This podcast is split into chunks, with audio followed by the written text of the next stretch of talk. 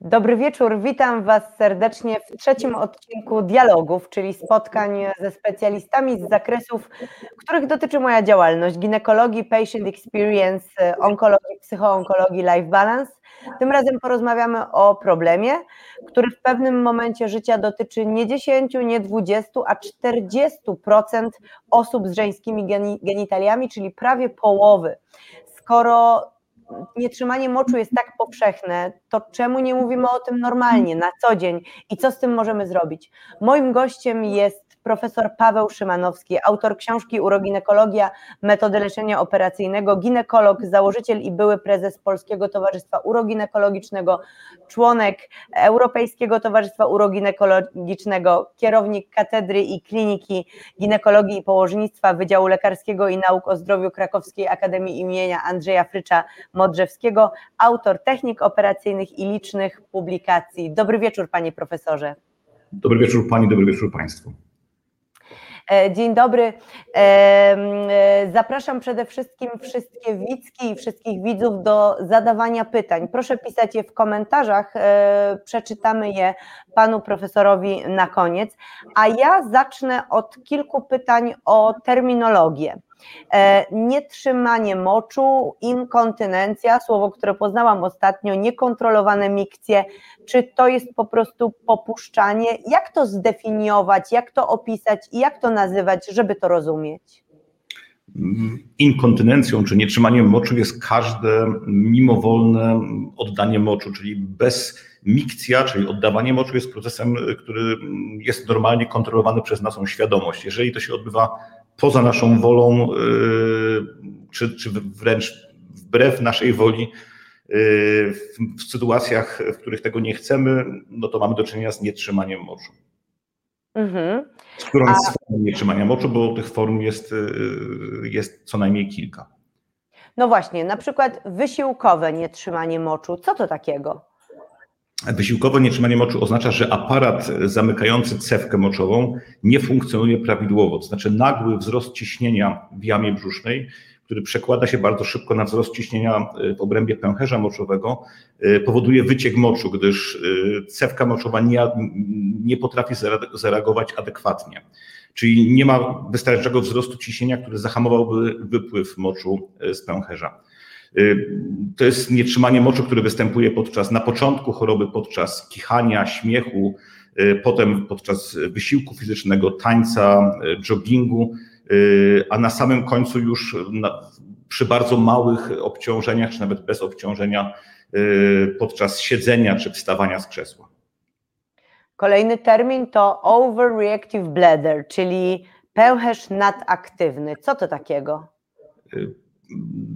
Ten termin, którego Pani użyła, to jest w zasadzie starszym terminem. W tej chwili używamy terminu overactive bladder, nie overreactive bladder.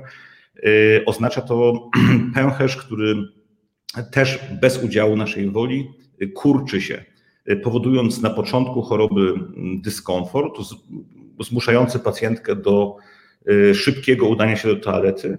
Y, jeżeli ta sytuacja nie będzie leczona, to, to też najczęściej ta choroba ma mm, przebieg postępujący y, i potem tym parciom towarzyszy również y, mimowolne oddanie moczu, zanim pacjentka zdąży dojść do toalety.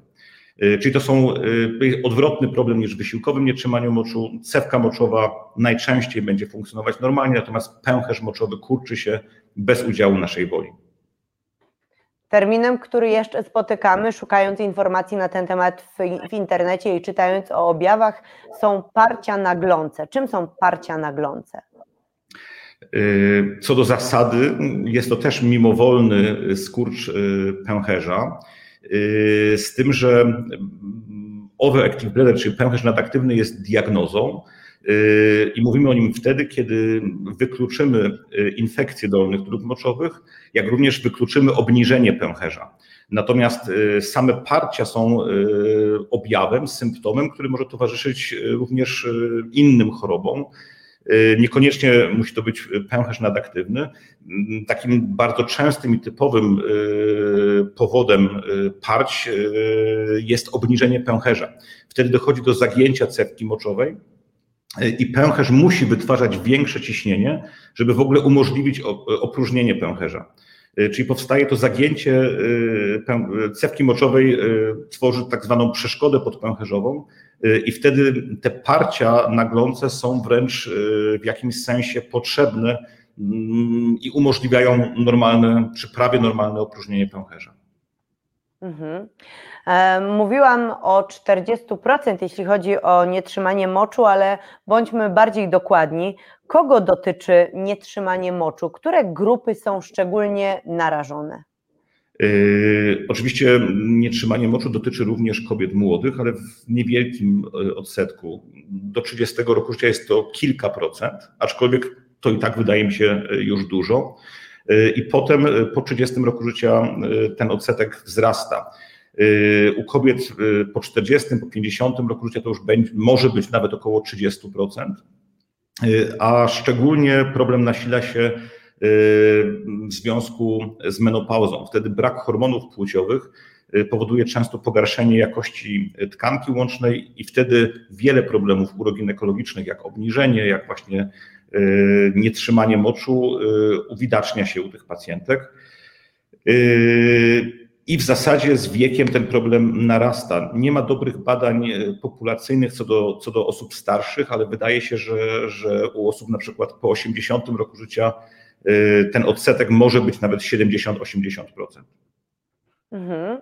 To jeżeli chodzi o wiek, a inne czynniki, na przykład przebyte ciąże, porody?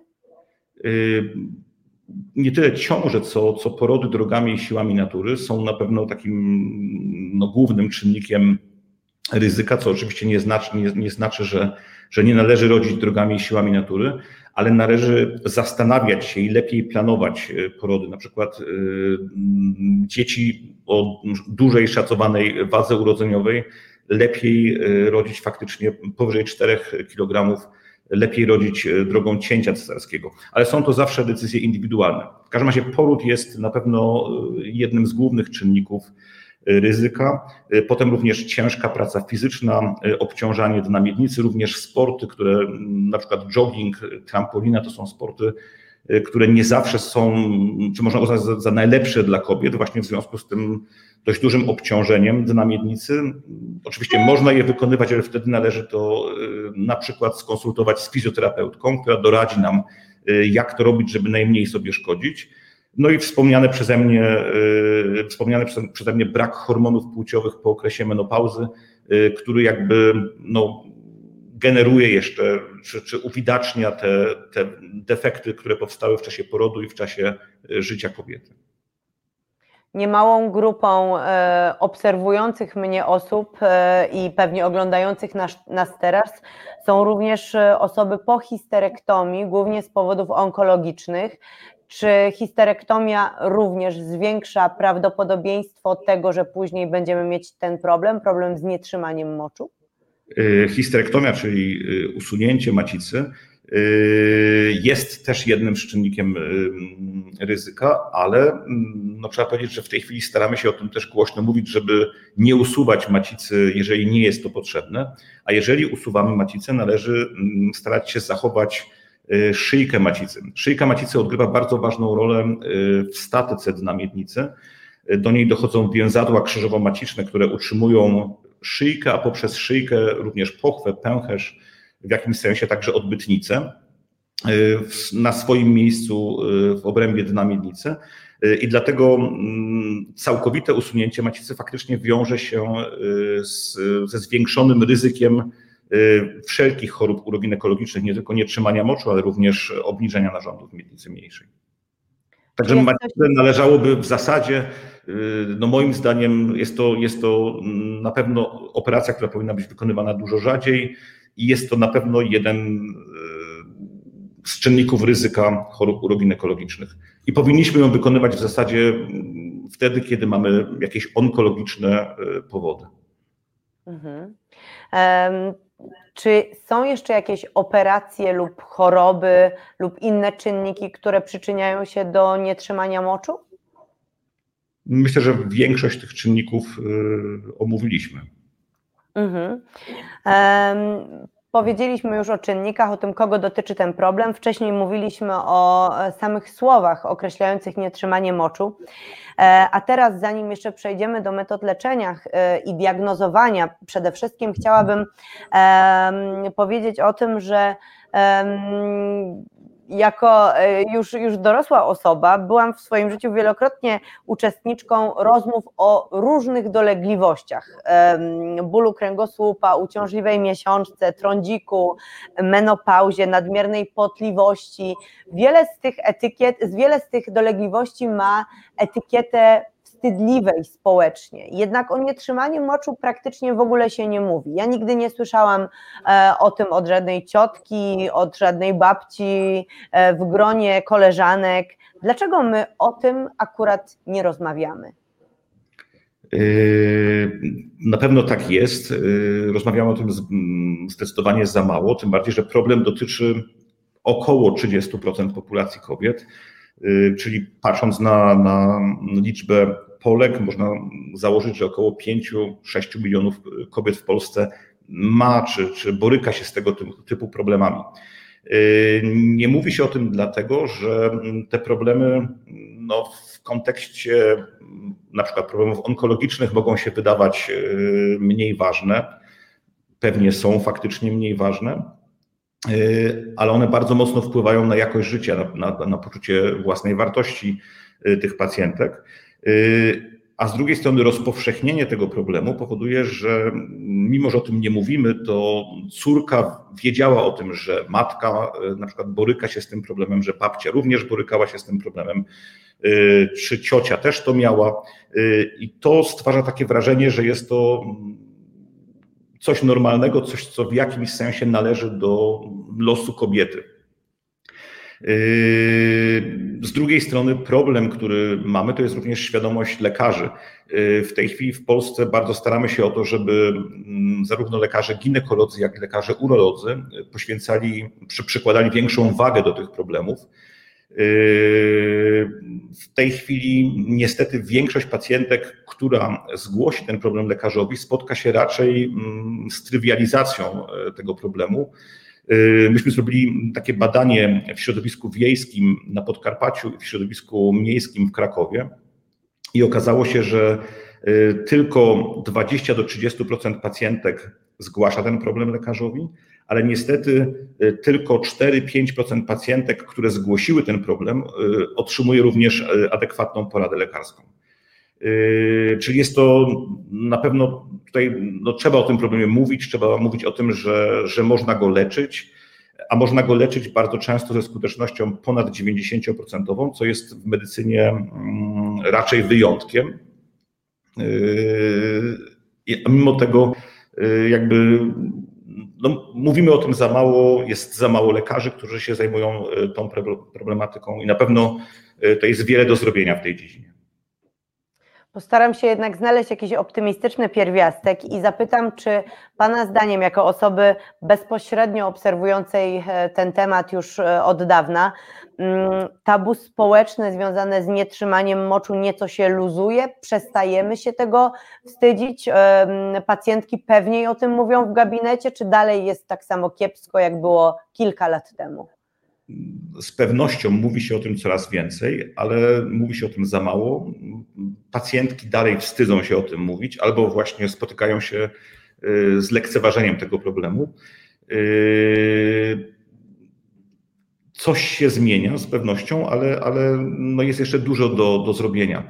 Y, niestety mm, w Polsce z tego powodu, że pacjentki no, mają utrudniony dostęp do lekarzy zajmujących się uroginekologią, często szukają same pomocy i znajdują tą pomoc w zaciszu swojego mieszkania. Yy, w wyszukiwarce Google można znaleźć niezliczone tysiące yy, reklam dotyczących suplementów diety, które mają rzekomo pomagać w leczeniu nietrzymania moczu czy również inne metody, które, reklamy innych metod, które niekoniecznie są metodami uznanymi, Y, czy wręcz, y, co jest też bardzo popularne, mm, no, sugeruje się rozwiązanie problemu przez czysto higieniczne y, produkty, na przykład poprzez materiały chłonne, czyli, czyli pieluchy które owszem no, rozwiązują ten problem w kontekście higienicznym, mocz nie wycieka na zewnątrz, ale na pewno ta kobieta nie będzie z tego powodu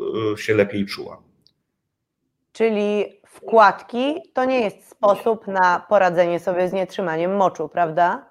No wkładka niweluje tylko wypływanie moczu na zewnątrz, z bielizny na spodnie czy, czy, czy na skórę, na nogi. I to na pewno jest jakaś tam pomoc. Jest też bardzo mały odsetek pacjentek, których, których nie da się inaczej wyleczyć, które te wkładki będą potrzebowały zawsze, ale większość, ponad 90%, można bardzo skutecznie wyleczyć. I, i myślę, że to jest właściwa droga, a nie rozwiązywanie problemu poprzez, poprzez e, jakieś środki higieniczne. Mhm. E, już jesteśmy coraz bliżej mówieniu, mówienia właśnie o, diagno, o diagnostyce i o leczeniu, ale jeszcze e, zapytam Pana, bo e, wiele lat leczył Pan za granicą, choćby w Niemczech. Czy na Zachodzie łatwiej ludzie przyznają się do nietrzymania moczu, czy, czy, czy możemy stamtąd jakoś czerpać wzorce tego, żeby mniejszym tabu to otaczać, czy, czy wszyscy ludzie tak naprawdę w różnych kulturach po prostu się tego wstydzą? Ja myślę, że we wszystkich kulturach jest to bardzo wstydliwy problem. Yy, I tutaj nie da się powiedzieć mm, ogólnie, jak jest za granicą, za granicą czy jak jest na zachodzie Europy, bo jest bardzo różnie w różnych krajach. Akurat w krajach niemieckojęzycznych, wydaje mi się, w kontekście uroginekologicznym jest bardzo dobrze. Nie jest jeszcze, na pewno zawsze da się yy, tą sytuację poprawić, yy, ale uroginekologia powstawała mm, w ogóle w Niemczech na początku XX wieku Y, I tam w zasadzie w każdym większym mieście, w wielu miastach powiatowych y, istnieją centra uroginekologiczne, czyli centra, które skupiają lekarzy ginekologów, y, urologów, chirurgów, proktologów, ale także fizjoterapeutki uroginekologiczne, psychologów. I w takim interdyscyplinarnym zespole, który jest dedykowany tym problemom, no, w sumie najskuteczniej da się mm, nietrzymanie moczu leczyć. I jeżeli pacjentki wiedzą, że istnieją takie ośrodki, no to też na pewno te, które chcą y, tego problemu się pozbyć, mają na pewno łatwiejszą drogę y, niż na przykład w naszym kraju, gdzie owszem, też takie ośrodki powoli powstają, ale nie są one, no, nie da się tego w ogóle porównać, jeżeli chodzi o, o powszechność tego typu centr. Chciałabym teraz zacząć e, takie szczegółowe wytyczanie całej ścieżki pomocy e, osobie, która zmaga się z takim problemem. Jeżeli mamy problem z nietrzymaniem moczu, to pierwsze, co powinniśmy udać się właśnie do gabinetu ginekologicznego, to jest odpowiedni e, kierunek i najlepszy? To może być gabinet ginekologiczny, to może być gabinet e, urologiczny. Uroginekologia mm, jest gdzieś taką dziedziną medycyny z pogranicza obu dziedzin i wymaga też doświadczenia i wiedzy z obu dziedzin po to, żeby skutecznie można było pacjentkom pomagać. I nie ma to znaczenia, czy to będzie ginekolog czy urolog. Ważne, żeby ten lekarz zajmował się problematyką nietrzymania moczu i najczęściej y, te osoby, które zajmują się problematyką nietrzymania moczu, zajmują się również leczeniem obniżeń narządów miednicy mniejszej. Bo jest to mhm. z zakresu uroginekologii, czyli należy po prostu szukać lekarzy zajmujących się tą problematyką.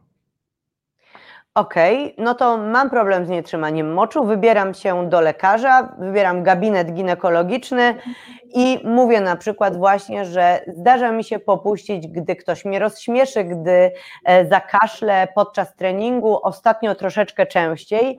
Co dalej? Co, co pan mówi? Co się dalej dzieje? Znaczy, oprócz zebrania bardzo dokładnego wywiadu, mm, należy taką pacjentkę zbadać również ginekologicznie i za pomocą wziętników ginekologicznych, za pomocą USG y, i w zasadzie możemy postawić taką wstępną diagnozę. Y, jeżeli y, leczenie będzie leczeniem zachowawczym, czyli fizjoterapia na przykład, leczenie hormonalne, w tym wypadku nie musimy mm, jakby tej diagnostyki pogłębiać. Natomiast jeżeli mamy zamiar leczyć taką pacjentkę z powodu, na przykład, bo mamy podejrzenie wysiłkowego nietrzymania moczu którąś z dostępnych metod operacyjnych, yy, wtedy konieczne jest również wykonanie badania urodynamicznego, yy, które to badanie mm, pozwala nam zobiektywizować, co tam się faktycznie mm, dzieje, gdzie ten problem dokładnie leży. Badanie polega na tym, że do pęcherza moczowego wprowadzamy bardzo cieniutki cewnik, na którym są czujniki elektroniczne. Ten cewnik jest połączony z komputerem i poprzez cewnik wypełniamy pęcherz, a z kolei czujniki mierzą ciśnienie i w pęcherzu, i w cewce moczowej pozwalają nam yy, jakby dokładnie zlokalizować problem i potem też no, wybrać, to oczywiście nie będzie jedyne kryterium wyboru odpowiedniego leczenia, ale no, pozwala nam to wybrać odpowiednie leczenie albo zdyskwalifikować z leczenia, o którym myśleliśmy, i dzięki temu też zwiększamy skuteczność tego leczenia. Czyli jeśli chodzi o diagnostykę, czeka nas prawdopodobnie badanie wziernikami i ewentualnie badanie urodynamiczne, tak? Dokładnie tak. Mhm. No i czego Pan szuka w trakcie diagnozowania? To znaczy, co może być przyczyną nietrzymania e, moczu? Bo nietrzymanie moczu to de facto objaw, a nie choroba, prawda?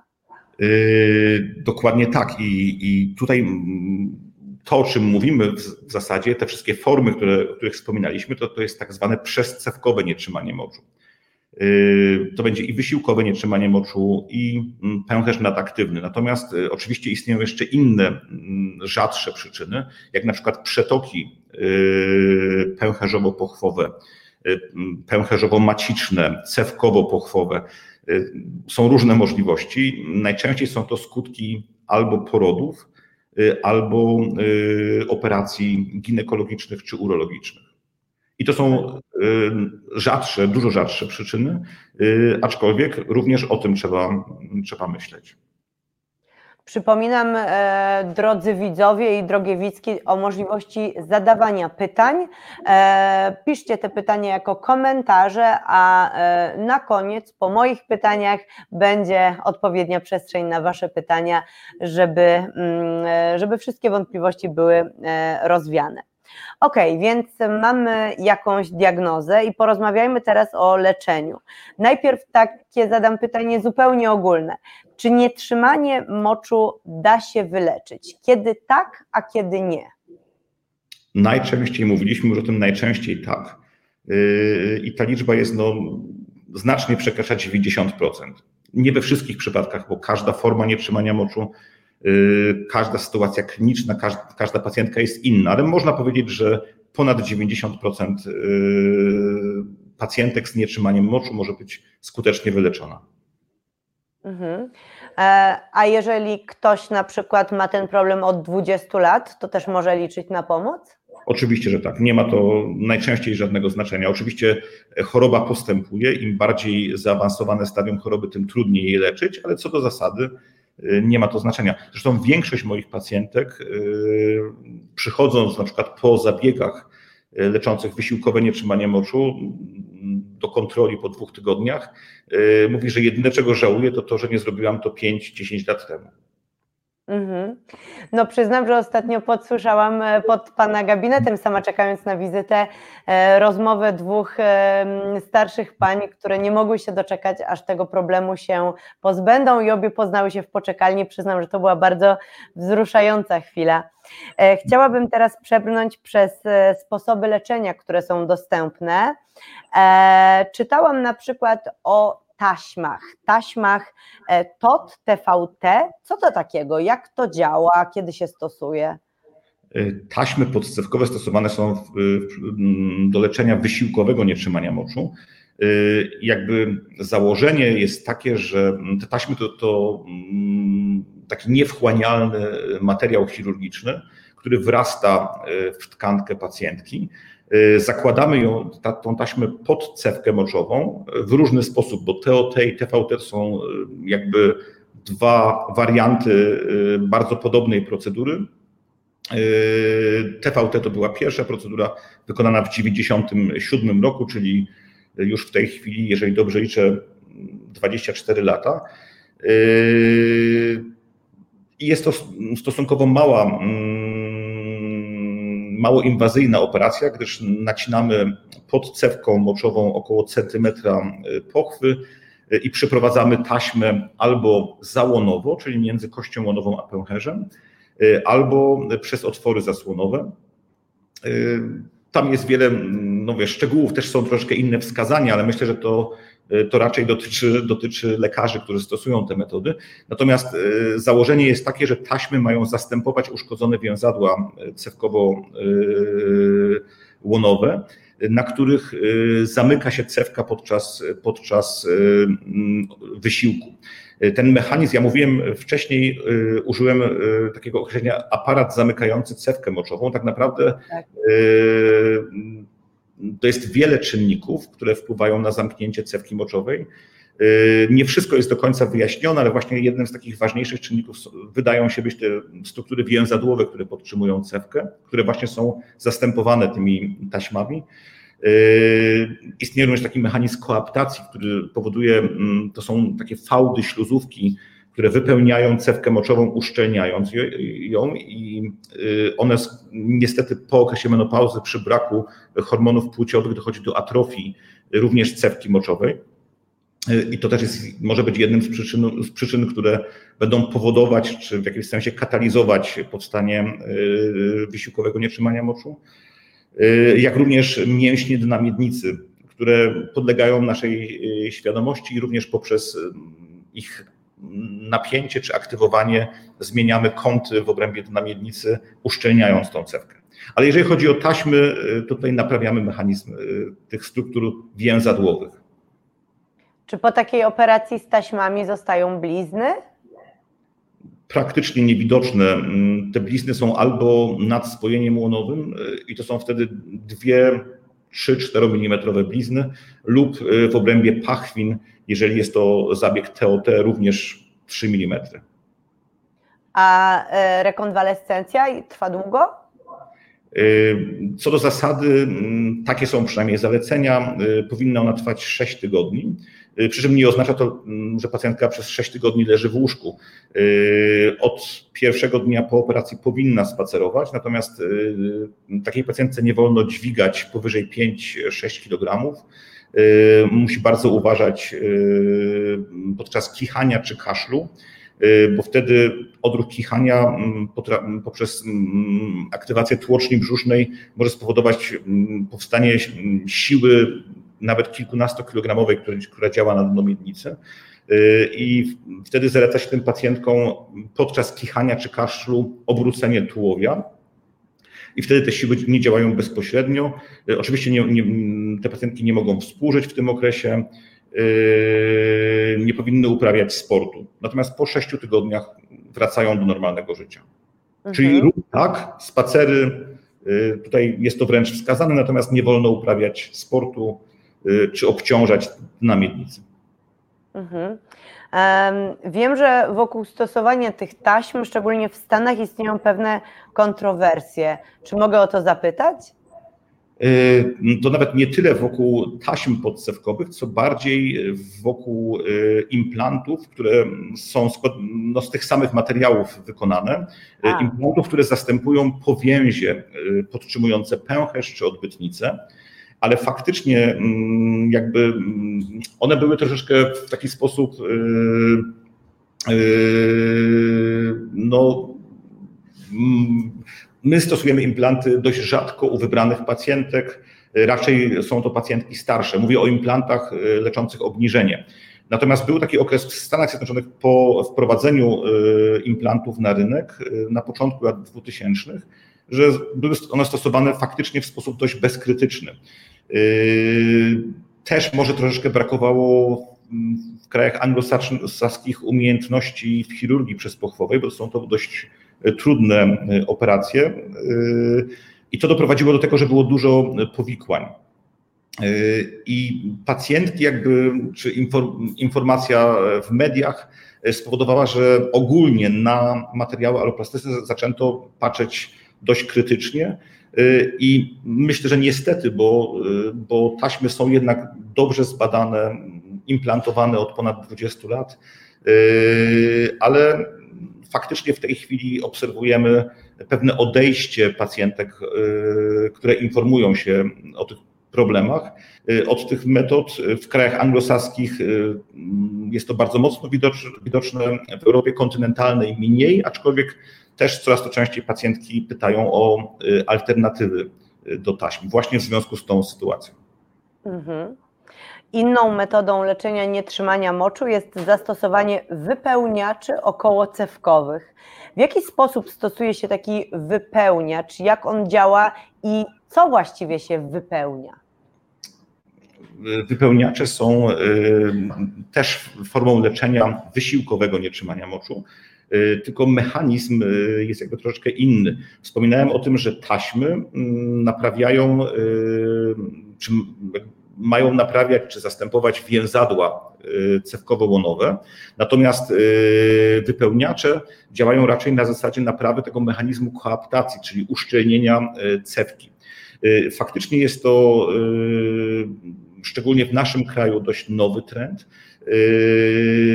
Istnieje taki hydrożel, który jest bardzo zaawansowanym technologicznie produktem, Bulkamid, Y, który poprzez to, że ma możliwość wymiany zarówno wody, jak i elektrolitów między mm, tym hydrożelem a otaczającą tkanką, nie zmienia swojego, swojej struktury przez lata. W krajach Europy Zachodniej stosowany jest od 15 lat, w Polsce od niedawna. I dużą zaletą tej metody jest to, że nie jest to metoda operacyjna. Yy, tutaj można ją wykonać nawet, jeżeli pacjentka mm, nie jest aż tak bardzo wrażliwa na ból, można się pokusić o wykonanie tej metody w znieczuleniu miejscowym, czyli przed podaniem wypełniacza podajemy taki specjalny żel mm, do cewki moczowej, czekamy chwilę i, i, i można to, tą metodę stosować, lub w tak zwanej analgosedacji, to jest taka delikatna narkoza. Y, która nie wymaga na przykład zwiotczenia, tak jak w przypadku dużych operacji. Y, I po prostu stosując y, system optyczny, który wprowadzamy do cewki moczowej pod kontrolą wzroku w trzech lub czterech miejscach pod śluzówkę cewki podajemy, tworzymy takie depozyty poduszki tego hydrożelu. I jest taka pacjentka, jeżeli, była to, jeżeli było to na przykład znieczulenie miejscowe, w zasadzie po godzinie może mm, opuścić klinikę. Y, jeżeli było to, była to analgosedacja, to po 3-4 godzinach też bez żadnego problemu. I w zasadzie y, nie ma tutaj też y, mm, tego procesu, tej długotrwałej rekonwalescencji. I nie ma blizn. Nie ma żadnych blizn, bo jest to, no jest tak. to, jest to no, tylko oszczyknięcie. Co też bardzo ważne, ktoś może zapytać, po co usuwać taki, taki produkt, ale to jest też bardzo ważna kwestia. Jeżeli mamy jakiś problem z taśmą po pewnym czasie, to tych taśm z reguły nie da się usunąć w całości. Natomiast w przypadku bulkamidu nie, jest to, nie stanowi to żadnego problemu. W taki sam sposób, jak go podaliśmy, w taki sam sposób możemy go z łatwością usunąć. Mhm. Okej, okay, no właśnie, e, wstrzyknięcie takiego bulkamidu w e, takiego wypełniacza okołocywkowego to jednak wprowadzenie do organizmu ciała obcego. Czy to jest bezpieczne? Jest to bezpieczne. Wspominałem o tym, że jest to bardzo zaawansowany technologicznie produkt, e, który jest stosowany od 15 lat, jest zbadany. Tutaj nie ma żadnych, czy nie trzeba się obawiać żadnych, żadnych reakcji Y, ze strony organizmu, żadnych negatywnych reakcji. Oczywiście każda implantacja obcego materiału, czy to, czy to będzie wypełniacz, czy to będą taśmy, niesie ze sobą jakieś małe ryzyko y, również wprowadzenia infekcji, y, ale zdarza się to bardzo rzadko. Wiemy, jak temu zapobiegać. Mhm. A czy e, ten zabieg e, z bulkamidem trzeba powtarzać? To po jakimś czasie się wchłania? Nie, to się nie wchłania. Yy, znane mi badania w tej chwili yy, to jest obserwacja siedmioletnia, gdzie nic się nie zmieniło, ani jeżeli chodzi o skuteczność, ani, ani o strukturę bulkamidu. I raczej mhm. trzeba założyć, że znaczy na pewno się nie wchłania i też nie powinno się nic z tym materiałem dziać. Kolejna metoda, którą e, wyczytałam, aczkolwiek nie wiem, czy, czy na pewno w dobrym kontekście ją wyczytałam, to toksyna botulinowa. Czy to też jest metoda na nietrzymanie moczu? Tak, ale tutaj jakby przechodzimy do innego rodzaju nietrzymania moczu.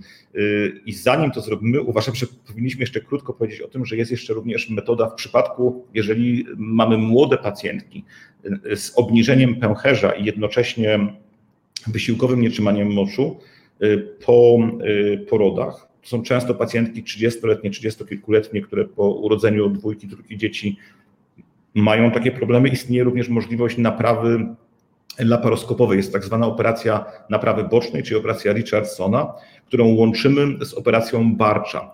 Operacja Barcza polega na założeniu takich szwów y, mniej więcej w połowie, w połowie cewki moczowej.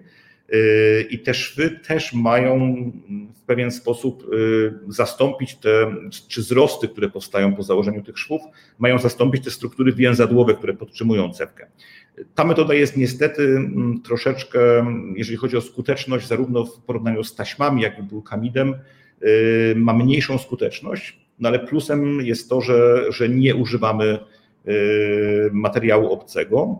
Y, minusem jest ta gorsza skuteczność i minusem jest również to, że jest to bardzo rozległa, długotrwała, co prawda laparoskopowa, ale długotrwała, trudna operacja. Taka operacja trwa, jeżeli robi to doświadczony chirurg, około półtorej godziny y, do dwóch godzin. Także w zestawieniu na przykład z, z wypełniaczami, które, które podajemy w ciągu 15 minut, y, no jest to zupełnie inny kaliber, y, zupełnie inna procedura medyczna. I to są jakby te trzy możliwości, jeżeli chodzi o wysiłkowe nietrzymanie moczu. Czyli taśmy, wypełniacze oraz operacja barcza, ta w zasadzie najstarsza jeszcze stosowana y, procedura, którą najchętniej stosujemy u bardzo młodych pacjentek. Nawet jeżeli by to miało tylko, y, tylko odroczyć w czasie na przykład implantację taśmy. Mhm. E, to w takim razie, gdzie mogę przypasować tę toksynę botulinową? Do pęcherza mm, nadaktywnego. Mhm. Toksyna botulinowa to mm, bardzo silna trucizna biologiczna, która powoduje, powoduje paraliż mięśni. Większość kobiet, myślę, zna toksynę botulinową z medycyny estetycznej. Y, tam podając ją y, do mięśni mimicznych y, i powodując ich paraliż, po prostu nie dochodzi do zagięcia skóry i, w ten sposób zmarszczki mogą się wygładzić. I w uroginekologii. To jest po prostu botoks, tak? To jest po prostu botoks. Botoks to nazwa handlowa. E, toksyny mhm. I no, wykorzystujemy e, tą możliwość również e, w przypadku pęcherza. Tak jak na początku wspominaliśmy, w parciach czy w pęcherzu nadaktywnym dochodzi do niekontrolowanych przez wolę pacjentki skurczów pęcherza. I to wygląda w ten sposób, że podobnie jak w bulkamidzie stosuje się taki mm, system optyczny wprowadzany do Y, cewki moczowej i głębiej do pęcherza i pod kontrolą wzroku y, w 20 różnych miejscach y, pęcherza podajemy, podajemy 100 jednostek, najczęściej 100 jednostek toksyny botulinowej i to powoduje, do, powoduje odprężenie mięśnia wypieracza i z reguły te dolegliwości znikają. Zawsze trzeba pacjentkom jednak powiedzieć, że mm, toksyna botulinowa zaczyna działać mniej więcej po 6-7 dniach Natomiast sama procedura powoduje podrażnienie pęcherza, czyli y, w tych pierwszych dniach po zabiegu raczej należy się spodziewać pogorszenia. Ulga przychodzi gdzieś tam po tygodniu. Mhm. I ten e, zabieg e, zostawia jakieś blizny? Nie ma żadnych blizn, ponieważ podobnie jak w bulkamidzie nie otwieramy w przypadku toksyny botulinowej, w przypadku botoksu, y, nie nacinamy skóry, wykorzystujemy naturalne otwory y, ciała ludzkiego, wprowadzamy tam optykę i, i pod kontrolą wzroku podajemy, to jest tylko iniekcja, to jest rodzaj zaszczyków podawanych do pęcherza. Mhm. Czy są jeszcze jakieś metody leczenia nietrzymania moczu, o których nie powiedziałam, o które nie zapytałam? Na przykład metody farmakologiczne w przypadku pęcherza nadaktywnego. Yy, tyle, że tutaj myślę, że toksyna botulinowa mm, jest coraz to szerzej stosowana, ponieważ yy, w zasadzie nie obserwujemy działań ubocznych. To działanie jest yy, tylko miejscowe w pęcherzu, czyli mięsień wypieracz zostaje rozluźniony. Natomiast nie mamy działania systemowego. Inaczej jest w przypadku leków, które mają rozluźniać pęcherz. Te leki działają na układ nerwowy, oczywiście te nowoczesne leki są coraz to bardziej selektywne, czyli coraz to bardziej działają na ten narząd, na który mają działać, czyli na przykład na pęcherz, ale mimo tego objawy uboczne towarzyszące stosowaniu takich leków są dość poważne i to powoduje to, że duża część pacjentek rezygnuje jednak przedwcześnie z tego leczenia ze względu właśnie na, na objawy uboczne. Natomiast istnieją również możliwości neuromodulacji nerwów krzyżowych. To jest też zabieg operacyjny, o którym warto wspomnieć. Neuromodulacja nerwów krzyżowych stosowana jest w przypadku również pęcherza nadaktywnego, ale ponieważ jest to bardzo droga procedura, to, myślę, że tutaj toksyna botulinowa byłaby leczeniem pierwszego wyboru, jeżeli, jeżeli ona nie pomaga, albo u wybranych pacjentek, pacjentów, bo to są nie tylko pacjentki, na przykład po urazach rdzenia kręgowego. Często są to młodzi ludzie i to jest też taka grupa pacjentów troszeczkę zapomnianych w naszym kraju. Często słyszę od nich, że jeżeli zgłaszają te problemy natury uroginekologicznej lekarzowi, to też słyszą, no proszę się cieszyć, że pan przeżył wypadek, niech się pani cieszy, że pani chodzi. I jakby no znowuż te problemy nietrzymania moczu, nietrzymania stolca, problemy związane z seksualnością są w jakimś sposób no często niestety lekceważone. A trzeba wiedzieć, że właśnie u tych pacjentów z uszkodzeniami, z uszkodzonym rdzeniem kręgowym, problemy uroginekologiczne, jeżeli dojdzie do takiej pełnej rehabilitacji, czyli oni znaleźli nową pracę, Y, mają przystosowany samochód, przystosowane mieszkanie do swojego kalectwa, to w zasadzie i, i, pogodzili się też y, psychicznie z tym, że resztę życia spędzą w wózku, to właśnie największy problem dla nich stanowią problemy, o których wspominałem, czyli te problemy y, natury uroginekologicznej. I tutaj neuromodulacja polega na tym, że wpinamy się takimi specjalnymi elektrodami do nerwów krzyżowych, przez, przechodzimy przez otwory w kości krzyżowej i najpierw y, tą elektrodę wyprowadzamy ze skóry, to jest tak, przez skórę to jest tak zwana faza testowa, y, gdzie mamy specjalny, y, specjalny stymulator podłączony bezpośrednio do tej elektrody, ale stymulator zewnętrzny. Można sprawdzić, na ile to pacjentce czy pacjentowi pomaga. Jeżeli, jeżeli pomaga, to po 3-4 tygodniach decydujemy się na implantację już stałego stymulatora w pośladek. Y, natomiast jeżeli y, pacjentka nie widzi różnicy mm, i ta stymulacja nie przynosi efektu, to wtedy po prostu usuwamy y, elektrody. Tutaj ta skuteczność neuromodulacji jest na poziomie 70-80%. Zależy oczywiście na przykład od stopnia uszkodzenia rdzenia. Przy całkowicie przerwanym rdzeniu niestety neuromodulacja w ogóle mm, czy na pewno nie będzie działać. Czy z takim, czy z takim neuromodulatorem w pośladku można więc żyć e, już zawsze, do końca życia? Tak, e, ten, ten stymulator jest mniejszy niż, niż pudełko zapałek. E, on jest w górnym, zewnętrznym kwadrancie pośladka, także też podczas siedzenia tego się w zasadzie w ogóle nie odczuwa. Mhm. E, dziś do dystrybucji trafia Pana nowa książka Uroginekologia metody leczenia operacyjnego. Wkrótce będzie w sprzedaży. E, co to za pozycja? Do kogo jest skierowana i jakie tematy Pan w niej porusza?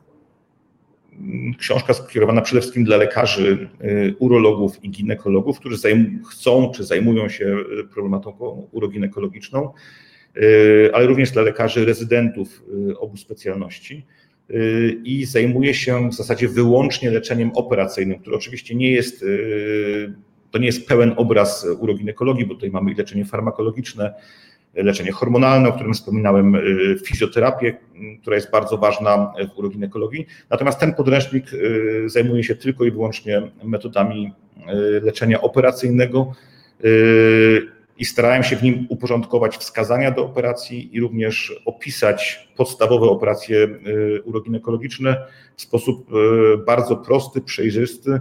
Y, troszeczkę mm, ta książka przypomina książkę kucharską i taki był też mój zamysł. Czyli, mhm. czyli ma po prostu umożliwić też rekapitulację mm, zabiegu na krótko przed jego rozpoczęciem. Często też tak robię jeżeli to są zabiegi wykonywane rzadziej. Także mam nadzieję, że będzie praktycznym poradnikiem i takim towarzyszem lekarzy zajmujących się uroginekologią. E, w książce opisuje Pan najnowocześniejsze ujęcie e, uroginekologii, a ja chciałam jeszcze zapytać o przyszłość. Jak widzi Pan przyszłość tej dziedziny? E, na pewno potrzeby leczenia uroginekologicznego będą rosnąć. Trzeba zrozumieć, że też nasza, nasza medycyna w jakimś sensie się zmienia i nasz otaczający świat się zmienia. Dla mnie menopauza często słyszę taki argument, że to jest normalne, naturalne. Y, dla mnie menopauza nie jest do końca ani normalna, ani naturalna. Y, a mówię o menopauzie w kontekście mm, tego, że właśnie wtedy y, te choroby uroginekologiczne zaczynają mm, mieć coraz to większe znaczenie. Przez tysiące lat kobiety nie dożywały w ogóle menopauzy. Na początku XX wieku przeżywały średnio menopauzę o 2-3 lata. Y, w tej chwili kobiety, które w tej chwili wchodzą w okres menopauzy, prawdopodobnie będą żyły po menopauzie tak samo długo jak przed menopauzą. Y, a mam nadzieję, y, że moja córka na przykład, że to będzie najdłuższy, że okres menopauzy będzie najdłuższym okresem jej życia. Tak prawdopodobnie będzie. I w związku z tym przedłużającym się mm, życiem ludzkim, ale też coraz to większym oczekiwaniem mm, dotyczącym jakości życia, czyli kobiety nie tylko chcą żyć dłużej, ale też chcą mieć y, w okresie menopauzy jak najlepszą jakość życia. Y, no, obserwujemy coraz to większy brak akceptacji tego typu problemów. Także myślę, że, że lekarze zajmujący się uroginekologią będą mieli zawsze pełne ręce y, pracy i tej pracy będzie pewnie coraz to więcej w związku ze starzejącym się społeczeństwem. Za dwie minutki przejdziemy do pytań od widzek i widzów, e, ale zanim to zrobimy, chciałabym zapytać jeszcze o jedną rzecz, mm, o fizjoterapię uroginekologiczną. Czym właściwie zajmuje się fizjoterapeutka uroginekologiczna? To działanie jest bardzo szerokie od e, takiego działania profilaktycznego. Staramy się o to, żeby e, to też tą rolę też mogą i przejmują częściowo położne. W zasadzie każdej pacjentce po porodzie drogami siłami natury, ale również po cięciach należałoby zaproponować taką fizjoterapię uroginekologiczną w kontekście profilaktyki chorób uroginekologicznych w przyszłości. Na przykład w krajach niemieckojęzycznych tak się dzieje. W Polsce też coraz to częściej e, tym pacjentkom tego typu fizjoterapię się proponuje. Yy, fizjoterapia uroginekologiczna pomaga leczyć na przykład wysiłkowe nietrzymanie moczu w stopniu pierwszym czy tak początkowym drugim. Yy, pozwala leczyć obniżenia narządów miednicy mniejszej również w stopniu pierwszym. Czyli wtedy w ogóle nie trzeba, mm, tak powiem, sięgać do skalpela, tylko, tylko poprzez fizjoterapię da się wiele problemów Y, albo wyleczyć, albo mm, polepszyć w takim stopniu, że one przestają być problemem dla pacjentki. Y, natomiast zawsze po każdej procedurze mm, uroginekologicznej, niezależnie czy jest to procedura związana z nietrzymaniem moczu, czy, czy z obniżeniem narządów miednicy mniejszej, y, po sześciu tygodniach każda taka pacjentka rozpoczyna fizjoterapię uroginekologiczną. I tutaj nie tylko chodzi o to, żeby chodzić na tą fizjoterapię, tylko żeby się nauczyć e, pewnych ćwiczeń, które trzeba wykonywać e, codziennie. Ja zawsze mm, radzę, żeby były to takie rytuały, na przykład, nie wiem, po wejściu do samochodu trzy razy aktywujemy dno miednicy. Ale też fizjoterapeutka doradzi, jakie sporty są dla takiej pacjentki najbardziej wskazane, jakich lepiej unikać, po prostu, żeby, żeby nie pogłębiać mm, problemu. Także tutaj te działania fizjoterapeutek uroginekologicznych są bardzo szerokie i, i, bardzo mnie cieszy, bo, bo akurat jeżeli chodzi o fizjoterapeutki, w tej chwili udało nam się, nam, czyli Polskiemu Towarzystwu Uroginekologicznemu, wykształcić ponad 400 certyfikowanych fizjoterapeutek uroginekologicznych. E, także ta sieć tych fizjoterapeutek jest naprawdę mm, już bardzo mocno rozbudowana i tutaj, jeżeli ktoś ma taki problem, to zachęcam mm, do wejścia właśnie na stronę Polskiego Towarzystwa Uroginekologicznego i tam można znaleźć spis nazwisk i miejscowości, w których te panie pracują. Mhm. E, teraz przejdziemy do pytań od e, widzek. Z tego co wiem, mamy ich pięć. E, o, już sześć, wspaniale. Pytanie od Sylwii. W ostatnich dwóch latach doświadczyłam już, co to mikcja podczas kichania. Jestem dwa miesiące po histerektomii z zachowaniem szyjki i jajników, z fiksacją szyjki do więzadeł z powodu dużego mięśniaka. Natychmiast po operacji problem mikcji znikł. Czy dzięki fiksacji problem już się nie pojawi? Mam 37 lat. Tak się nie da powiedzieć, bo fiksacja była prawdopodobnie nie z powodu mięśniaka, tylko z powodu obniżenia y, macicy. Y, I ogólnie trzeba rozumieć to, że obniżenie macicy poprzez y, powodowanie zagięcia cewki moczowej chroni przed wysiłkowym nietrzymaniem moczu. Ale czas, dlatego często jest tak, że pacjentka na przykład ma wysiłkowe nietrzymanie moczu, potem to się poprawia y, z powodu właśnie obniżenia, a w pewnym momencie dochodzą parcia naglące z powodu obniżenia pęcherza. Y, tutaj u Pani mm, trudno powiedzieć, bo u części pacjentek y, dochodzi do poprawy wysiłkowego nietrzymania moczu, u większości pacjentek po podniesieniu macicy dochodzi do pogorszenia wysiłkowego nietrzymania moczu, ale jeżeli doszło do poprawy, należy się cieszyć, tylko na pewno bardzo ważna właśnie u Pani jest y, fizjoterapia uroginekologiczna. Natomiast jak to będzie w przyszłości, trudno powiedzieć. Natomiast fizjoterapia uroginekologiczna na pewno y, no, pozwoli y, to ryzyko zminimalizować, ryzyko przyszłej operacji. Teraz pytanie od Doroty. Czy te same procedury leczenia nietrzymania moczu można stosować u kobiet po operacji radykalnej usunięcia całego narządu rodnego? Oczywiście stosuje się te same procedury. Y, po prostu usunięcie całej macicy zwiększa ryzyko chorób uroginekologicznych, ale leczenie wygląda tak samo. Mhm. E, pytanie od Aliny. Czy w najbliższym czasie będzie poruszany temat przetok odbytniczo-pochwowych i innych? E, nie wiem, czy jest to pytanie do pana profesora, czy, czy do mnie, natomiast myślę, że jest to e, bardzo, e, bardzo interesujący temat, bardzo ważny i sądzę, że na pewno warto jakiś post zrobić na ten temat lub nawet cały odcinek dialogów, co myślę, że Alino mogę Ci obiecać. A Panie Profesorze, w takim razie poprosiłabym o, kilko, o kilka słów jeszcze na temat przetok, żeby już e, coś Alinie powiedzieć. Mhm.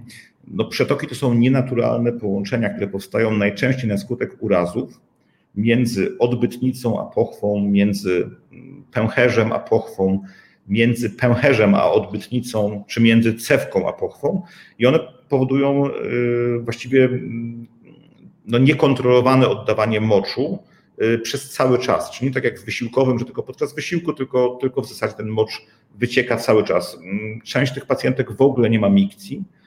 Pęcherz jest zupełnie obkurczony gdyż on się sam y, opróżnia. W przypadku przetok odbytniczo-pochwowych y, no, takie pacjentki będą cierpiały z powodu nietrzymania y, gazów i nietrzymania stolca i również gazy i stolec będą wydobywać się przez pochwę, co oczywiście no, jest w każdym wieku, u każdej pacjentki straszną katastrofą.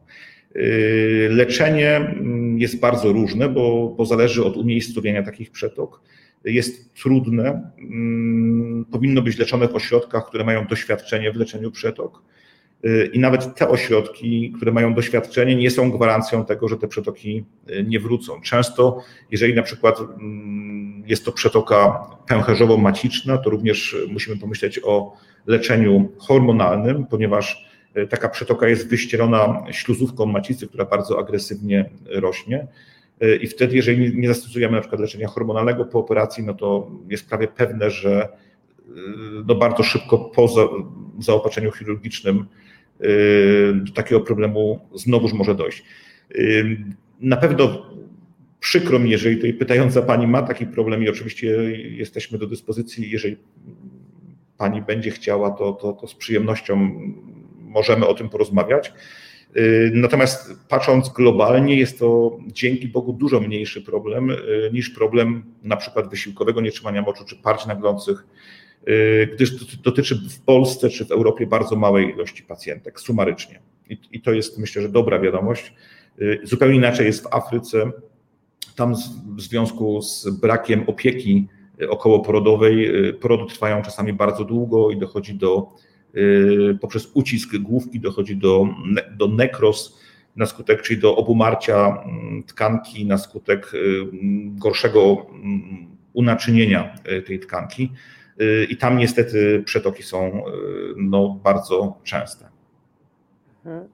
Dorota pyta, czy po operacji radykalnej usunięcia narządu rodnego, chodzi o raka jajnika, jest prawdopodobieństwo osłabienia również zwieracza odbytu? Nie widzę takiego związku. W przypadku raka jajnika myślę, że nie, natomiast na pewno jest tak, że brak hormonów płciowych no, który występuje po takiej operacji, na pewno będzie te, na brak estrogenu spowoduje obniżenie masy mięśniowej i to na pewno również y, pogorszenie jakości y, samego zwieracza odbytu. Y, tak samo jak atrofię mm, śluzówek, śluzówek też, też na przykład pochwy. I tutaj mm, najsensowniejsza będzie również fizjoterapia uroginekologiczna. Jeżeli chodzi o polepszenie funkcji zwieracza, często również elektrostymulacja ale to, to, to również wykonują fizjoterapeutki uroginekologiczne. Przedostatnie pytanie zadaje Małgorzata. Co należy wykonać po histerektomii radykalnej, aby zapobiec nietrzymaniu moczu? Bardzo prosta odpowiedź: fizjoterapia uroginekologiczna. Okej. Okay. I ostatnie pytanie zadaje ponownie Dorota. Jakimi kryteriami określa się stopnie nietrzymania moczu?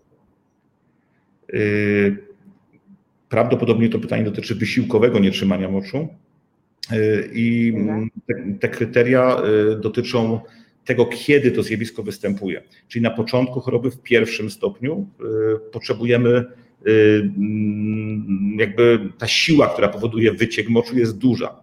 I ta duża siła, tak jak już wspominałem, występuje podczas kichania, kiedy tłocznia brzuszna wytwarza nawet kilkanaście kilogramów które działają bezpośrednio y, na pęcherz, a cewka moczowa nie jest w stanie y, tego utrzymać, czyli tym pierwszym stopniem wysiłkowego nietrzymania moczu to, to będą te sytuacje, kiedy podczas kichania, mm, silnego kaszlu y, dochodzi do, do gubienia moczu.